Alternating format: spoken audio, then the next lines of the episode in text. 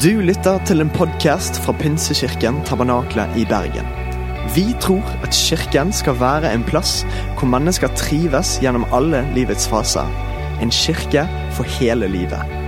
Ønsker du å bli bedre kjent med oss eller holde deg oppdatert? Besøk vår Facebook-side eller ptb.no. Her er ukens tale.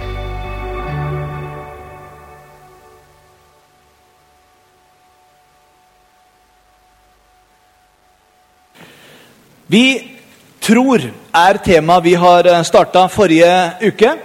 Og eh, du som ikke var her, anbefaler jeg virkelig å eh, få tak i podkasten til eh, André, som delte om nettopp det at Gud er vår far, som elsker oss, som har gitt det beste han hadde til oss, og hvordan hans ubetingede kjærlighet aldri svikter eller stopper. Det er det som var første delen av den serien som vi kaller 'Jeg tror', eller 'Vi tror', som har bakgrunn i trosbekjennelsen som veldig mange kirker eh, i hele verden har ena seg om. At dette er faktisk noe vi kan være enige om. Det her er grunnsannheter i Bibelen som vi tror på. Eh, trosbekjennelsen kommer opp her nå. Eh, vi kan gjerne lese den eh, sammen til å begynne med. Og der står det 'Vi tror', så da får vi ta 'vi' istedenfor 'jeg'. som jeg har skrevet her. Vi tror på Gud Fader, den allmektige himmelens og jordens skaper. Vi tror på Jesus Kristus, Guds enbårne sønn, vår Herre, som ble unnfanget ved Den hellige ånd, født av jomfru Maria, pint under Pontius Pilatus, korsfestet, død og begravet, for ned til dødsriket, sto opp fra de døde tredje dag for opp til himmelen, sitter ved Guds, den allmektige Faders høyre hånd, skal derfra komme igjen for å dømme levende og døde. Jeg tror på Den hellige ånd, en hellig allmenn kirke, de hellige samfunn, syndenes forlatelse, legemets oppstandelse og det evige liv. Amen. Den apostoliske trosbekjennelsen, sånn som eh, vi kjenner den i dag, eh, kan spores tilbake til rundt år 700 eh, etter Kristus. Fra ca. år 400 etter Kristus så finner man bekjennelsesformer som stort sett er lik dagens tekst. Magnus Lagabøttes landslov en av de første landsfaderne som lagde lov i Norge. Eh, han åpner eh, kristendomsbolken i lovverket ved en versjon av den apostoliske trosbekjennelsen. Det er interessant å få med seg. I eh, forhold til Bibelen så er trosbekjennelsen på en måte kortversjonen av hva egentlig Bibelen handler om. Vi kunne godt kalle det for den røde tråden i Bibelen. Eh, og så er det jo av og til sånn at vi bruker en del uttrykk som jeg av og til liksom lurer på hvor kom det der fra. Den røde tråden. Eh, hva har det med saken å gjøre? Så jeg måtte google det. Hva betyr det, den røde tråden? Så her får du det hvis ikke du har visst hva det egentlig kom fra. Uttrykket 'den røde tråden' kommer fra England og fra den britiske marinen. Her er det slik at alt tauverket som blir brukt, er en rød tråd først blitt flettet inn i selve tauverket. Dermed kan du alltid se forskjell på dette tauverket og alt annet tauverk. Den røde tråden fungerer som et slags kjennemerke. Dette tauverket hører til den britiske marinen. Så der fikk du forklaringen på hvor egentlig ideen og tanken om den røde tråden kommer inn. Men etter hvert så har det blitt brukt liksom i forhold til at det er hovedtema i noe. Eller innholdet, hovedinnholdet, er dette. Og så kaller vi det den røde tråden som eh, vi ser igjen. Men finnes det også noe som vi kan kalle for den røde tråden i Bibelen? Når du leser den, og kanskje du har starta av og til, eh, som jeg eh, gjorde mange ganger til å begynne med, starta i første Mosebok, kapittel 1 og vers 1. I begynnelsen skapte Gud himmel og jord. Og så fortsatte jeg liksom, og Det var spennende, for det var, det var liksom action, og det var mye som skjedde helt sånn ut i eh, andre Mosebok. Da begynte liksom lugge litt. For da begynte det med lover og navn og en hel masse med greier. Kom du inn i tredje, så var det helt håpløst, og da slutta jeg som regel. Eh, og så begynte jeg med Nytestamentet. Eh, jeg vet ikke om du har hatt det sånn. Jeg har gjort det ganske mange ganger. Etter hvert så tenkte jeg ja, men jeg kan jo begynne for salmen og utover. i hvert fall. Kanskje det er litt enklere. Så kom alle profetene, storprofetene, og så kom alle småprofetene. Og så var det så mye navn og så mye steder. Så, så tenkte jeg hvordan gjør vi dette? Hva er hensikten? Hva Er det noen rød tråd i dette, her, eller skal vi bare holde oss til Nytestamentet? Og Det er interessant. Den røde tråden i Bibelen, den fins. Ja, absolutt. Eh, og den har med Guds levende ord å gjøre. Og den tråden, det er faktisk Jesus Kristus. Fra første Mosebok kapittel 1 og vers 1 til åpenbaringen, siste kapittel, så er det en rød tråd som følger hele veien, og det er Jesus Kristus. Bibelen består i to deler, Det gamle testamentet og Det nye testamentet. Det gamle består av 39 bøker og skrevet i en periode på over 1000 år. Og det er mange ulike forfattere. Men likevel så er det en rød tråd i alle disse forfatternes bøker, og det er Jesus Kristus. Det nye testamentet det består av 27 bøker, eller hellige skrifter, skrevet ned i løpet av ca. 50-70 år. Og Her er det ulike forfattere, men det er fremdeles bare én rød tråd som går igjennom, og tråden er Jesus Kristus. Dette er Bibelens hovedtema, og derfor kan vi kalle det for den røde tråden. I Matteus 12, 34 så står det at det hjertet er fylt av, det taler munnen. Eh, og det kan jo gjelde oss. Eh, vil du vite hva som hjertet er fylt av, så lytt hva folk snakker. Eh, men her i Bibelen så er det Gud som snakker. Gjennom alle disse forskjellige som har skrevet ned, så er det Guds inspirerte ord. Og du får en inntrykk av hva ligger på Guds hjerte når han deler frimodig fra de forskjellige. Guds farshjerte, som vi hørte om forrige søndag, det er fylt av kjærlighet til Sønnen.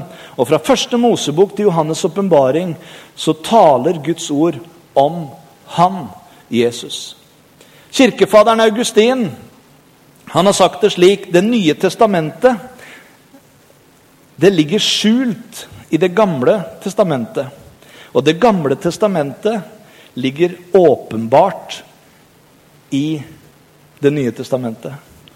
Tar det igjen. Det nye testamentet det ligger skjult i det gamle. Mens Det gamle testamentet det blir åpenbart i Det nye testamentet. Det gamle testamentet det er fylt av vitnesbyrdet om Jesus, om frelseren som skulle komme. Han ble profetert om disse tingene.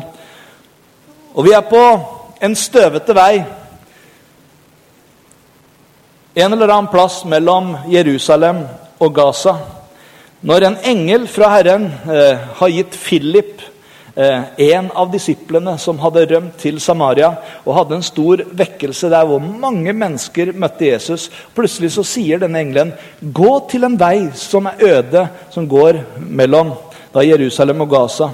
Eh, og der skal du treffe på noen som du skal dele noe med. Og Han kommer dit, eh, og på hjemvei så sitter det en hoffmann i en vogn eh, og leser fra bokrullen, Jesajas bokrull. De hadde jo ikke bøker på den tida, så det var liksom sånne bokruller. Og Der sitter han og leser. Og det han leser, det er dette lik en sau som føres bort for å slaktes, lik et lam som tier når det klippes, åpnet han ikke sin munn. Og da han var fornedret, ble dommen over han opphevet. Hvem kan fortelle om hans ett? For hans liv er tatt bort fra jorden. Sitter og leser dette, denne hoffmannen, eh, og så sier eh, Den hellige ånd til Philip, hold deg nær til vogna. Og Idet han holder seg nær til vogna, så hører han at han leser disse tingene. Og Så roper Philip inn til denne hoffmannen og så sier 'Skjønner du det du leser?' Og hoffmannen liksom bare titter ut av vogna og sier 'Skjønner det jeg leser? Hvordan skal jeg kunne skjønne det når det er ingen som forklarer meg hva det betyr?' Og så står det at uh, implisitt er at han henger seg på i vogna, blir invitert opp. Og så står det videre at uh, fra dette skriftstedet, så forteller Philip, den etiopiske hoffmannen, evangeliet om Jesus. Hvem er dette lammet? Og så kobler han en profeti 700 år før det har skjedd, med det som nettopp hadde skjedd i Jerusalem, bare kanskje noen år før i forhold til det som Jesus gjorde.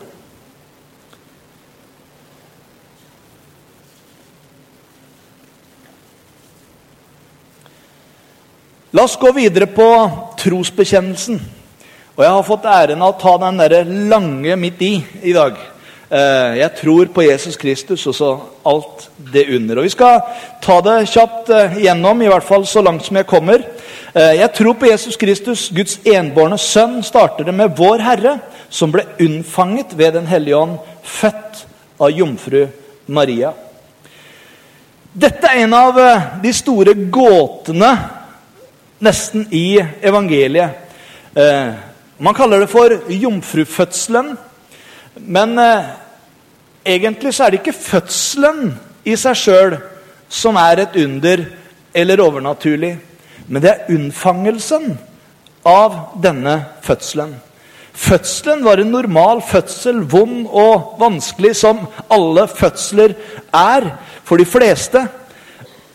Men sånn gleden er desto større når det liksom endelig kommer ut et herlig nyfødt barn. Så det i seg sjøl er ikke annerledes enn andre fødsler. Men det som skjedde før dette, var et under og et mirakel. Og Sånn forklarer Bibelen selv det i Johannes 1. I begynnelsen var Ordet, Ordet var hos Gud, og Ordet var Gud. Her legger han linken tilbake til første Mosebok, kapittel 1 og videre. Han var i begynnelsen hos Gud. Alt er blitt til ved ham. Og uten ham er ikke noe blitt til av alt som er til. Og ordet Vi skjønner her at ordet er ikke et logos, det er ikke et ord, men det er en person. I den forklaringa som Johannes deler det. Og ordet ble menneske og tok bolig iblant oss. Og vi så hans herlighet. En herlighet som en enbårne sønn har fra sin far. Full av nåde og sannhet. Ingen har noen gang sett Gud. Den enbårne sønn, som er i Faderens favn, har forklart ham. Ordet 'sønnen', eller Jesus, var i begynnelsen hos Gud, leste vi. Og alt er skapt av ham og ved ham. Her får vi et lite innblikk i det som har med treenigheten å gjøre. Du finner ikke ordet treenighet eller treenhet i Bibelen. Men eh, du vil se flere ganger at det er én Gud, men han opererer på tre forskjellige måter. Som Faderen, som Sønnen og som Den hellige ånd, som vi skal se på neste søndag. Han er fra evighet og til evighet. I begynnelsen var Ordet. Når er begynnelsen? Det er vanskelig å vite. For Hvis jeg står her, så kan begynnelsen se ut som han er der borte. Men hvis jeg går bort hit, så kan begynnelsen, liksom, begynnelsen er bare lenger og lenger bort. Og Det handler om evigheten. Han er fra evighet og til evighet. Det er ingen som har skapt Gud, men han har alltid vært der. Alltid vært til. Og det er noen av disse tingene som min hjerne ikke fatter eller forstår. Og jeg tror hvis du er veldig mye klokere, så tror jeg kanskje du har en utfordring der du også må forstå evighet. Fordi vi er født inn i tid. Vi har en dato hvor vi er født, og vi har en dato hvor vi går ut av dette livet. Og så tenker vi alt i livsperspektiv. Vi tenker i klokketimer, vi tenker i uker, vi tenker i måneder, vi tenker i år. Og kanskje til og med tiår eller desennier. Men vi er tidsbundne. Men det er ikke Gud. Jesus, han er Gud. Han var han som da han var i Guds skikkelse, sier Paulus, ikke holdt det for et røvet bytte å være Gud lik. Han var hos Gud. Men så sier Paulus videre at han ga avkall på det å være Gud lik. Og så ble han et menneske, tok en tjenerskikkelse og ble menneskelik. Og Jesu fødsel som jeg nevnte, er en fullstendig normal og naturlig, men unnfangelsen den er overnaturlig og unormal. Og det at Maria fortsatt var jomfru etter unnfangelsen, er nettopp et bevis for det. Og Hør hva Maria sjøl sier i forhold til dette. her, For det gir oss et perspektiv i forhold til hvordan dette underet utspant seg, hvordan det skjedde. I eh, Lukas kapittel 1 og fra vers 30 så leser vi Men engelen sa til henne, 'Frykt ikke, Maria, for du har funnet nåde hos Gud.' Hør, du skal bli med barn og føde en sønn, og du skal gi ham navnet Jesus. Du skal bli med barn og føde en sønn, og du skal gi ham navnet Jesus. Han skal være stor og kalles den høyeste sønn, og Herren Gud skal gi ham hans fars Davids trone. Han skal være konge over Jakobs hus til evig tid, og det skal ikke være noe ende på hans kongedømme. Maria sa til engelen, 'Hvordan skal dette kunne skje?' Her har du det store spørsmålet. Når jeg ikke har vært sammen med noen mann. Men engelen hadde et budskap til Maria. Den hellige ånd skal komme over deg og den høyestes kraft overskygge deg. Derfor skal også barnet som blir født, være hellig og kalles Guds sønn. Denne overnaturlige unnfangelsen den var profetert av nettopp denne profeten som vi har nevnt et par ganger allerede, Jesaja, flere hundre år før det skjedde. Så sier Jesaja, derfor skal Herren selv gi dere et tegn. Se, en jomfru eller den unge jenta skal bli med barn og føde en sønn, og hun skal gi ham navnet Immanuel. Det er som eh, om engelen sier til Maria han skal bli født og være din sønn, Maria. Men han skal også være Guds sønn. Og Hvorfor var det sånn at Frelseren måtte være Guds sønn? og ikke bare et vanlig menneske. Det er nettopp det hele frelsesverket handler om. Det handler om den gjerning som Jesus skulle gjøre. Jesus visste hvilken hensikt han hadde når han kom til verden. Han hadde blitt født for å dø og for å sone våre synder. Og dette må være en som måtte være en som var ren og uten synd, som kunne ta vår plass. Helt fra Adam så hadde menneskene synda. Derfor så kunne det ikke være noen av Adams barn som på en måte kunne bote for verdens synd. Men det måtte være en som var hellig, som var ren.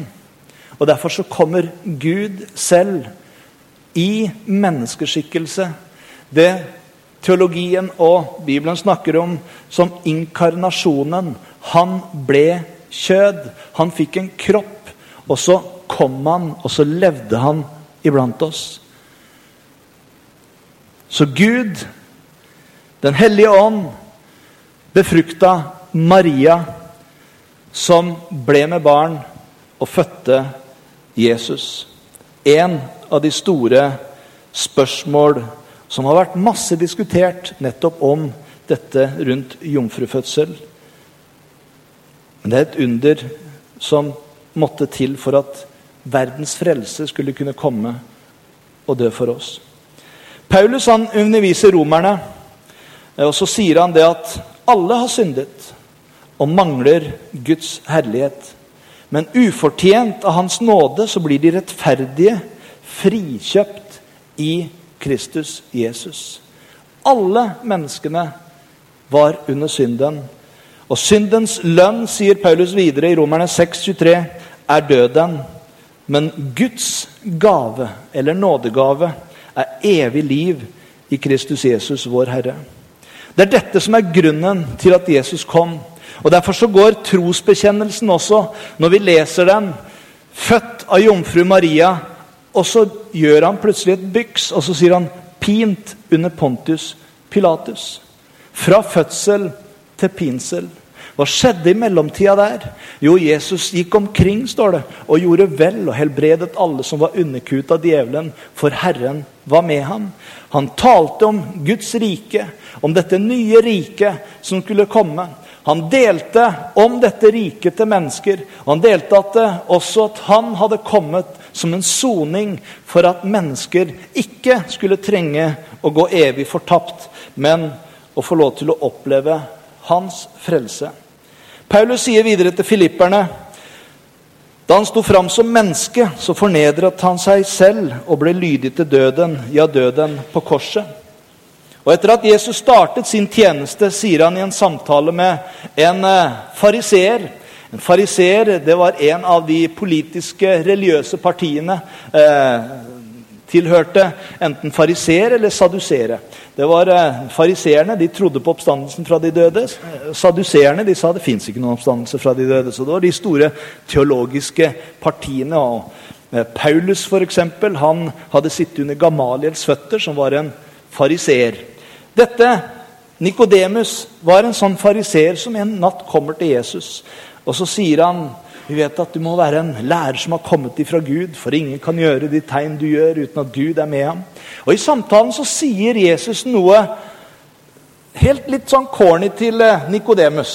Sier han, 'Sannelig, sannelig, jeg sier deg, den som ikke blir født på nytt, kan ikke komme inn i Guds rike.' Og denne lærde mannen Jeg ser han for meg liksom klør seg i hodet og sier at 'Men født på nytt igjen?' Og Du ser ut fra teksten også hvor han sier til Jesus ja, men Jesus, det går jo ikke an for en gammel mann som meg å gå inn i mors liv en gang til og bli født om igjen. Akkurat som Jesus ikke skjønte det. Men så må Jesus utdype dette for Nikodemus, og så sier han videre sannelig, sannelig. Og det er noe, Du skal liksom åpne øra litt ekstra når Jesus sier sannelig, sannelig. Altså Av og til så sier han 'sannelig, jeg sier deg'. Eh, da er det jo greit å høre etter. Men når han sier 'sannelig, sannelig', da er det 'hør nå her'. Dette er viktig! Og Han har det tre ganger faktisk i dette kapittel tre i Johannes. Sannelig, sannelig, jeg sier deg, den som ikke blir født av vann og ånd, kan ikke komme inn i Guds rike. Heng på! Dette er teologi altså i dag på, på G19. Men det er en kjempeviktig teologi som har med vår tro å gjøre. Troen på Jesus. Det som er født av kjøtt, det er kjøtt. Men det som er født av ånd, det er ånd, sier Jesus. Og Så er det mange som har eh, laga masse teologi rundt dette. Hva er vannet, og hva er ånden? Du skal få en kortversjon her. Vann kan være et bilde på enten ordet, som du lytter til. Eh, det står at eh, ordet det ble forkynt, eh, og de tok imot ordet i sine hjerter og tok imot Jesus på den måten. Så hvordan kan de høre hvis ingen forkynner for dem? Så Det kan være én av tingene. Bibelen snakker også om å bade seg i ordet. Eh, det vil si at du, du, dykker, liksom, eh, ned i masse bibler. Eh, men det handler om at du tar til deg av Guds ord. Og når du forstår Guds ord og tar til deg av Guds ord, så renser det deg. Det, det skjerper deg til å vite hva som er rett og hva som er galt. Så det kan være en av tingene. Men det er andre teologer også som har sagt at det kan ha med nåden å gjøre. Vannet et bilde på nåden. Det skjer ved nåde, og det skjer ved ånden. Eh, og så er det andre igjen som tenker at eh, vannet det har med dåpen å gjøre. For det var også noe som var vanlig på den tiden. Man hadde vannbad eh, i det gamle pakt. Så duppa man seg, man vaska seg for å gjøre seg ren i forhold til de forskjellige tingene. I sitt motbilde dåpen er det noen som tenker. Og at dette henger nøye sammen med frelse og frelsesverket og åndens gjerning. Vi kan tro på Jesus og ta imot ham. Men den nye fødselen, den må skje ved Guds ånd. Når vi inviterer han inn, så flytter han inn i oss. Og det er et under som skjer, akkurat som en ny fødsel. Du blir Guds barn ved troen på ham. Videre så sier Jesus til Nikodemus, Johannes 3, 14-18, og det får du på skjermen. Og slik Moses løftet opp slangen i ørkenen, slik må menneskesønnen bli løftet opp for at hver den som tror på ham, skal ha evig liv. For så høyt har Gud elsket verden, at han ga sin sønn, den enbårne, for at hver den som tror på ham, ikke skal gå fortapt, men ha evig liv. Gud sendte ikke sin sønn til verden for å dømme verden, men for at verden skulle bli frelst ved ham. Den som tror på ham, blir ikke dømt. Og den som ikke tror, er allerede dømt fordi han ikke har trodd på Guds enbårne sønns navn. Ser du parallellene fra Det gamle testamentet? Han starter Jesus med å fortelle Nikodemus noe som han kjente, for han var lærd i Det gamle testamentet, eh, som eh, vi av og til har litt vanskelig med å lese.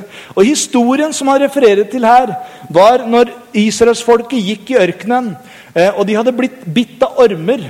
Eh, og mange lå rundt og, og døde av disse ormbittene så sier Gud til Moses at han skulle sette opp en kobberslange på en påle.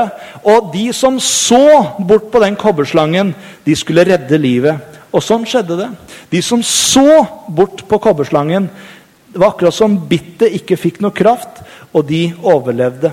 Og så bruker dette bildet inn i en perspektiv på det som skulle skje en del år etterpå, når Jesus kom. Han skulle også henges opp på et tre. Og hver den som tror på ham, skal ikke gå fortapt, men ha evig liv, forteller Jesus til Nikodemus. Ikke mange år etterpå, Jesu tjenestetid, var ikke lenger enn ca. tre år, hvor han gikk rundt og gjorde vel og forkynte om himlenes rike. Og så går du rett fra fødsel, det som skjedde med Jesu liv, til pint under Pontius Pilatus. Korsfestet, død og begravet. For ned i dødsriket, sto opp fra de døde tredje dag. Det er den andre bolken i det som har med Jesus å gjøre. Og Jesu død på korset er historiens viktigste begivenhet.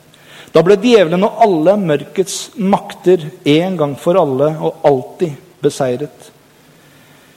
Hebreerne 2 sier det på denne måten.: Siden barna er av kjøtt og blod, måtte også han fullt ut bli en av dem, altså Jesus. Slik skulle han ved sin død gjøre ende på han som har dødens makt. Det er djevelen. Og befri dem som har frykt for døden, var i slaveri gjennom hele livet. Vi leste at syndens lønn er døden. Dødens makt den skulle han tilintetgjøre ved å gi sitt liv for oss. Og Paulus han skriver det så flott i Kolosserne 2, 14 og 15. Gjeldsbrevet som gikk imot oss. Fordi alle hadde syndet. Fordi vi står i gjeld med vår synd. Vi har en noe mot oss. Du er fortapt uten Han. Og så sier eh, Paulus at gjeldsbrevet, dette gjeldsbrevet, det slettet han, det som var skrevet med lovbud. Han tok det bort fra oss da han naglet det til korset. Han kledde maktene og åndsmaktene nakne og stilte dem fram til spott og spe da han viste seg som seiersherre over dem på korset. Påskeuka, fra palmesøndag til første påskedag, er den mest innholdsrike uka i kirkeåret. Palmesøndag red Jesus inn i Jerusalem mens folket ropte Hosianna, Davids sønn, velsignet være han som kommer i Herrens navn. Så liksom det for meg når du rei inn på den der greia her. Jeg tenkte at det, kanskje det var billigere enn å ta leie inn et esel neste år. Det var glede, det var jubel. Men så utrolig nært fra palmesøndag og til ropene på langfredag. Korsfest ham, korsfest ham. De samme som hadde sagt at han var Davids sønn, de ropte nå 'korsfest'. Og så kommer langfredagen. Og rettsforfølgelsen mot Jesus, som ga grunnlag for historiens kanskje mest kjente justismord. Jesus ble korsfesta ved nitida på formiddagen. Og klokka tolv middagstid til tre på ettermiddagen så sier Bibelen at det ble et mørke over hele landet.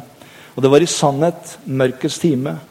Fra et menneskelig synspunkt så var alt håpløst. Vi trodde han skulle være vår redning, og nå henger han der på korset. Men fra den sjette time så falt mørk over hele landet, skriver Matteus, helt til den niende time. Og ved den niende time så ropte Jesus med høy røst. Eli, Eli, lamak sabatani. Og Folk trodde han ropte på profeten Elia, men det var ikke det han gjorde. Det betydde 'min Gud, min Gud, hvorfor har du forlatt meg'? Akkurat da så legger Gud all verdens synd fra evighet, fra den første til den siste, og de som ennå ikke har gjort synd. All verdens synd blir lagt på Jesus. Og Det er så vondt å se for far at han til og med snur ryggen til sin sønn, hvor han henger der alene og bærer din og min og hele verdens synd. Det var mørke i dobbel betydning. Men klokka tre på ettermiddagen så døde Jesus. Og da ble historiens viktigste ord sagt. Det er ferdig. Det er fullbrakt. Og så bøyde han hodet, og så utåndet han. Soningen for all verdens synd var et faktum, og lyset kom tilbake i dobbel betydning. Kampen var over, og vår Gud er en forsonet Gud. Verdenshistoriens største, viktigste og mest uendelige drama var utspilt. Da revnet forhenget, står det i tempelet i to, som var et synlig bevis på at ingen hadde adgang til det aller helligste. Ingen hadde adgang til Gud direkte. Men så revner forhenget fra øverst til nederst, akkurat som Gud sjøl tar bort hindringene for at menneskene kan komme i direkte kontakt med Gud, vår far. Og da offiseren og folket som sto rundt Jesus, da så dette og opplevde jordskjelvet og alt det som skjedde, så bare utroper dem og så sier en sannelig, sannelig var han Guds sønn. Og Jeg har lyst til å utfordre deg til å lese Jesaja 53 når du kommer hjem i kveld. Jesus blir lagt i graven. Eh, tre dager etterpå så er det noen Mariaer som du kan lese om i eh, eh, bl.a. Lukas og Johannes, som er på vei til graven. Og så sitter det noen der, for det har skjedd noe i mellomtida. Jesus er ikke i graven. Han har stått opp igjen fra de døde, som han hadde sagt. Men det er noe som Bibelen snakker om som skjedde i den mellomfasen mellom at Jesus blir tatt ned av korset, og at han står opp igjen fra de døde. For ned til dødsriket, sier vi i trosbekjennelsen. Hva gjorde han der? Og Jeg skal ikke legge noe annet enn det Bibelen sjøl snakker om, men det står at han gikk ned og vitnet for de fangene som var holdt der. Eh, dødsriket det er ikke det samme som helvete, som, eh, eller Gehenna, som eh, det står i Bibelen, som er det stedet hvor Gud har forberedt for djevelen og alle hans etterfølgere. Men det var et mellomsted, et sted hvor de som var døde, i den gamle pakt var. Og Jesus han gikk ned til røveren på korset, så sier han, 'I dag skal du være med meg til paradis'. Jeg tror, og du kan jo sjekke det ut hva du ser i forhold til det, men jeg tror at den dagen så tok Jesus med seg de som var døde i troen på han, til et sted hvor de kunne være med han inntil den dagen som eh, vi skal få lov til å for alltid være med han. Det står om det som skal komme. Vi skal møtes i skyen i luften. De som er døde i troen på Kristus, og vi som ennå lever, skal møtes, og vi skal for alltid være sammen med Herren. Jesus har de siste dagene med disiplene, og så deler han med dem når han skal opp til sin far i himmelen. Og Jeg har lyst til å dele noen av de siste tingene som han sier med dem i sin avskjedstale. Da sa han til dem Det var dette jeg talte om da jeg ennå var sammen med dere, og sa at alt måtte oppfylles som står skrevet om meg i Moseloven, hos profetene og i salmene. Legger du merke til igjen hvordan han drar bildet fra Det gamle testamentet og inn i det som skjer? Den røde tråden. Da åpnet han deres forstand, så de kunne forstå Skriftene. Og han sa til dem, slik står det skrevet, Messias skal lide og stå opp fra de døde tredje dag, og i hans navn skal omvendelse og tilgivelse for syndene forkynnes for alle folkeslag. Dere skal begynne i Jerusalem. Dere er vitner om dette. Og se, jeg sender over dere det som min far har lovet, men dere skal bli i byen til dere har blitt utrustet med kraft ifra det høye. skal vi snakke om litt neste søndag. Og så førte han dem ut mot Betania, og han løftet hendene og velsignet dem. Og mens han velsignet dem, skiltes han fra dem og ble tatt opp til himmelen. De falt på kne og tilba ham, og så vendte de tilbake til Jerusalem i stor glede. Og siden var de stadig i tempelet og lovpriste Gud. Amen. Skal vi stå opp?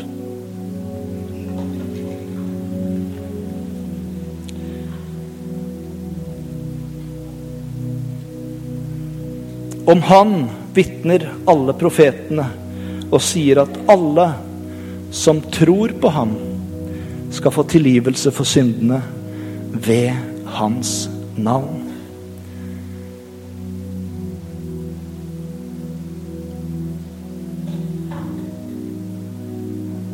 Jesus har gjort alt ferdig